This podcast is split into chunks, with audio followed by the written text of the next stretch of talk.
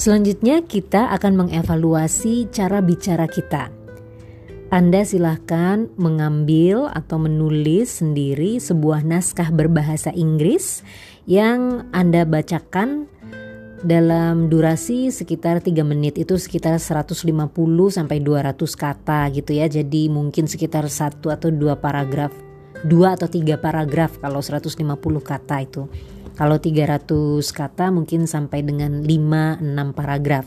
Jadi yang uh, naskah berbahasa Indonesia tadi pilih dalam uh, panjang 300 kata. Kalau dibacakan durasinya kira-kira 5 menit. Yang bahasa Inggris 150 kata. Kalau dibacakan durasinya kira-kira ya maksimal 3 menit gitu. Nah, setelah itu Anda rekam sama seperti naskah berbahasa Indonesia tadi. Lalu Anda evaluasi, Anda dengarkan lagi persoalan apa atau masalah apa yang ada pada cara bicara Anda. Ya. Apakah Anda mengalami sloppy diction? Sloppy diction itu apa ya? Semacam belibet gitu ya.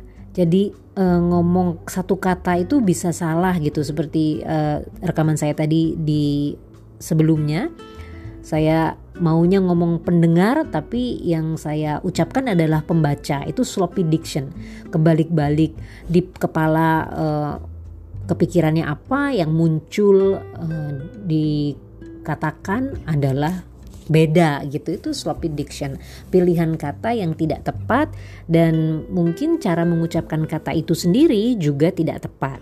Kemudian apakah anda mungkin mengalami apa yang disebut uh, regionalism jadi semacam medok gitu ya. Jadi ada ada aksen-aksen daerah tertentu dalam gaya bicara Anda.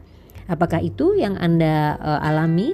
Nah, itu silakan nanti di modulnya Anda centang ya dan kemudian Anda tuliskan kenapa ya kok bisa terjadi seperti itu gitu ya. Anda analisis sendiri suara dan bicara Anda.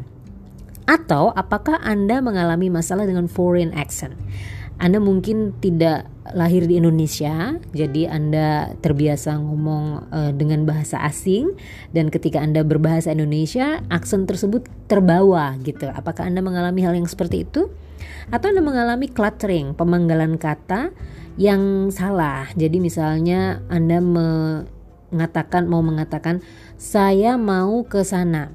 Tapi karena uh, cara menyebutnya sa ya mau ke sana. Nah, itu cluttering ya. Jadi uh, pemenggalannya tuh di titik-titik yang tidak tepat, di suku kata yang kurang tepat.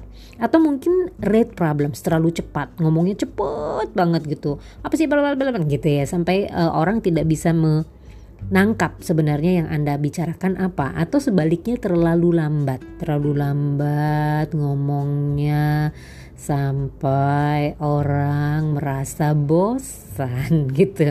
Misalnya begitu uh, atau Anda mengalami apa yang disebut fluency limitation. Anda tidak terlalu fasih berbicara.